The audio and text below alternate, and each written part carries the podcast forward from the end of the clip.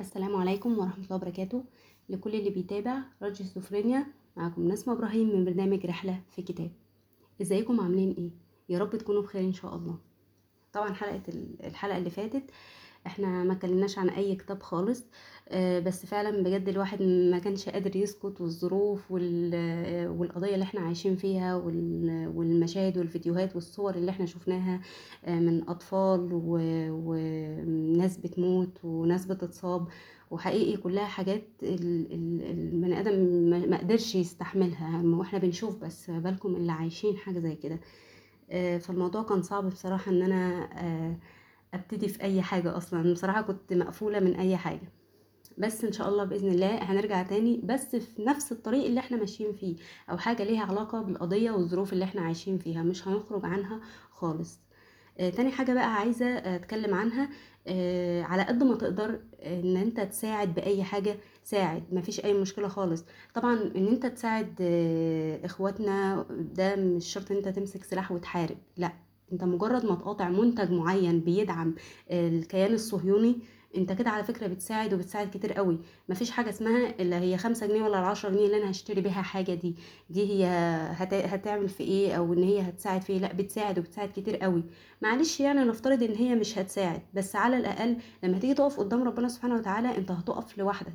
هيقول لك كان في يوم من الأيام كان بإيدك تعمل حاجة معينة أو تقاطع منتج معين وانت ما عملتش حاجة زي كده ما ساعدتش بأي حاجة. فحقيقي الموضوع مش هزار والموضوع مش ترند يا جماعة ولا دي مقاطعة لا بجد إحنا مش عايزينهم. إحنا اللي بنقولهم إحنا مش عايزينكم إحنا مش بنقاطعكم فترة وهنرجع تاني لا إحنا مش عايزينكم. إحنا فخورين بمنتجات بلدنا مش عايزين أي حاجة. شكرا. ويلا بينا بقى نبدأ رحلتنا مع بعض. آه، رواية النهارده اسمها عائد إلى حيفا. أيوه زي ما سمعتوا كده. وحيفا دي طبعا إحنا كنا عارفين إن هي مدينة من مدن فلسطين. آه، الرواية دي للكاتب غسان كنفاني. على فكرة أنا أول مرة أقرأ الكاتب ده وحقيقي مش ندمانة خالص. الرواية دي من أبرز روايات الأدب الفلسطيني واترجمت للغات كتيرة جدا ومش بس كده اتعملت أعمال سينمائية كتير قوي. الفكرة فيها إن هي آه، بتسلط الضوء على الوطنية والمواطنة وبتوضح الواقع الفلسطيني والمعاناة اللي بيتعرض لها من الكيان الصهيوني. أحداث الرواية بسيطة جدا. بتدور في حيفا أو في الطريق لحيفا. كان في شخص اسمه سعيد بيقرر إن هو ياخد زوجته ويروح لحيفا تاني أو بيرجع لحيفا تاني. وخصوصا لما الحدود فتحت بين الكيان الصهيوني والضفة الغربية. تحديدا بعد حرب 67 والكاتب وصف بيتهم بالتفصيل في الرواية. آه، سعيد وزوجته سابوا آه، حيفا سنة 48 كان ليهم طفل موجود في البيت بتاعهم. الرواية بتبدأ من هنا. أول ما سعيد وزوجته بيوصلوا مدينة حيفا بيوصلوا بالعربية بتاعتهم ولكن عن طريق القدس. حسوا برهبة وهيبة وأحاسيس جميلة قوي. حسوها أول ما وصلوا وطنهم. ما كانوش حتى قادرين إن هم يتكلموا لأنهم سابوه قبل عشرين سنة. أنتوا متخيلين؟ تبعد عن وطنك وبيتك عشرين سنة. وفجأة ترجع. تخيل أنت بتحس بإيه؟ هتحس بكل حاجة كنت بتحس بيها قبل كده. حتى لو المكان اتغير آه، الناس اتغيرت المعالم, اتغيرت فجأة أنت بتحس إن روحك وعيونك مش شايفين أي حاجة هم- ولا شايفين كل التغيرات اللي حصلت. هم بس شايفين كل اللي حصل في الماضي. وهنا عم الصمت. كمان الكاتب آه، اتكلم في الرواية عن الخوف والفقد. ووصف آه، الخوف والفقد أول ليلة آه، اليهود دخلوا فيها حيفا واستعمروها سنة 48 وصف كمان حالة الناس في الوقت ده كانت عاملة إزاي في الوقت ده. آه، حالة من الخوف والرعب. كل واحد منهم كان منتشر في كل مكان يعني اللي هو محدش عارف أخوه فين ولا ابنه فين ما كانوش عارفين خالص. وده بسبب خوفهم من القذف والدمار والرصاص. الخوف كان متملك منهم سواء بقى رجال نساء أطفال ما كانش بيرحم حتى الحيوانات ومش بس كده كمان. اللي يوجع بقى إن سعيد خرج من بيته وده كان قبل القصف. ابنهم خلدون ده كان عنده خمس شهور كان لوحده في البيت ولما القصف اشتغل سعيد قرر إن هو يرجع بيته ولكن الطريق اللي بيؤدي لبيته كان متدمر تماما. بس آه، زوجته طبعا في الوقت ده آه، حست إن هو اتأخر عليها. ففي الوقت ده قررت إن هي تخرج تدور عليه. ولما خرجت أدركت إن هي سابت ابنها لوحده في البيت. بدأت تصرخ بقى على صوتها باسمه. بس طبعا الناس كلهم كانوا بيهربوا كانوا متجهين للمينا. فقابلت جوزها هناك بسبب الدمار طبعا اللي بيحصل. فما خدتش ابنها ومع ذلك خد مراته وراحوا آه، عاشوا في بلد اسمها رام الله.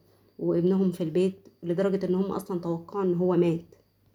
واستقروا آه، في بلدهم الجديدة وبقى عندهم ولدين ولكن صورة ابنهم وبيتهم ووطنهم للأسف ما اتمسحتش. بعد كده الكاتب اتنقل عن عنوان اسمه الوطن والهوية وده إيه؟ دخل في حتة تانية خالص.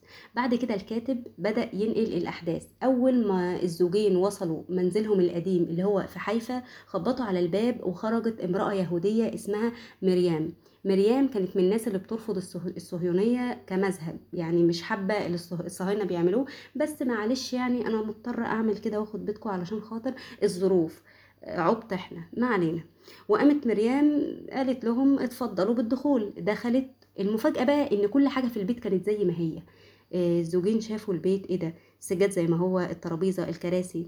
قعدوا يعني بصوا قعدوا يبصوا كتير قوي ويشوفوا كل حاجة في البيت. سألوا كمان المرأة اليهودية عن آه، زهرية كان حاطط فيها سبع ريشات مش لاقي فيها غير خمسة بس. بس قالت لهم آه، ممكن تكون ضاعت وابني دوف كان بيلعب وهو صغير.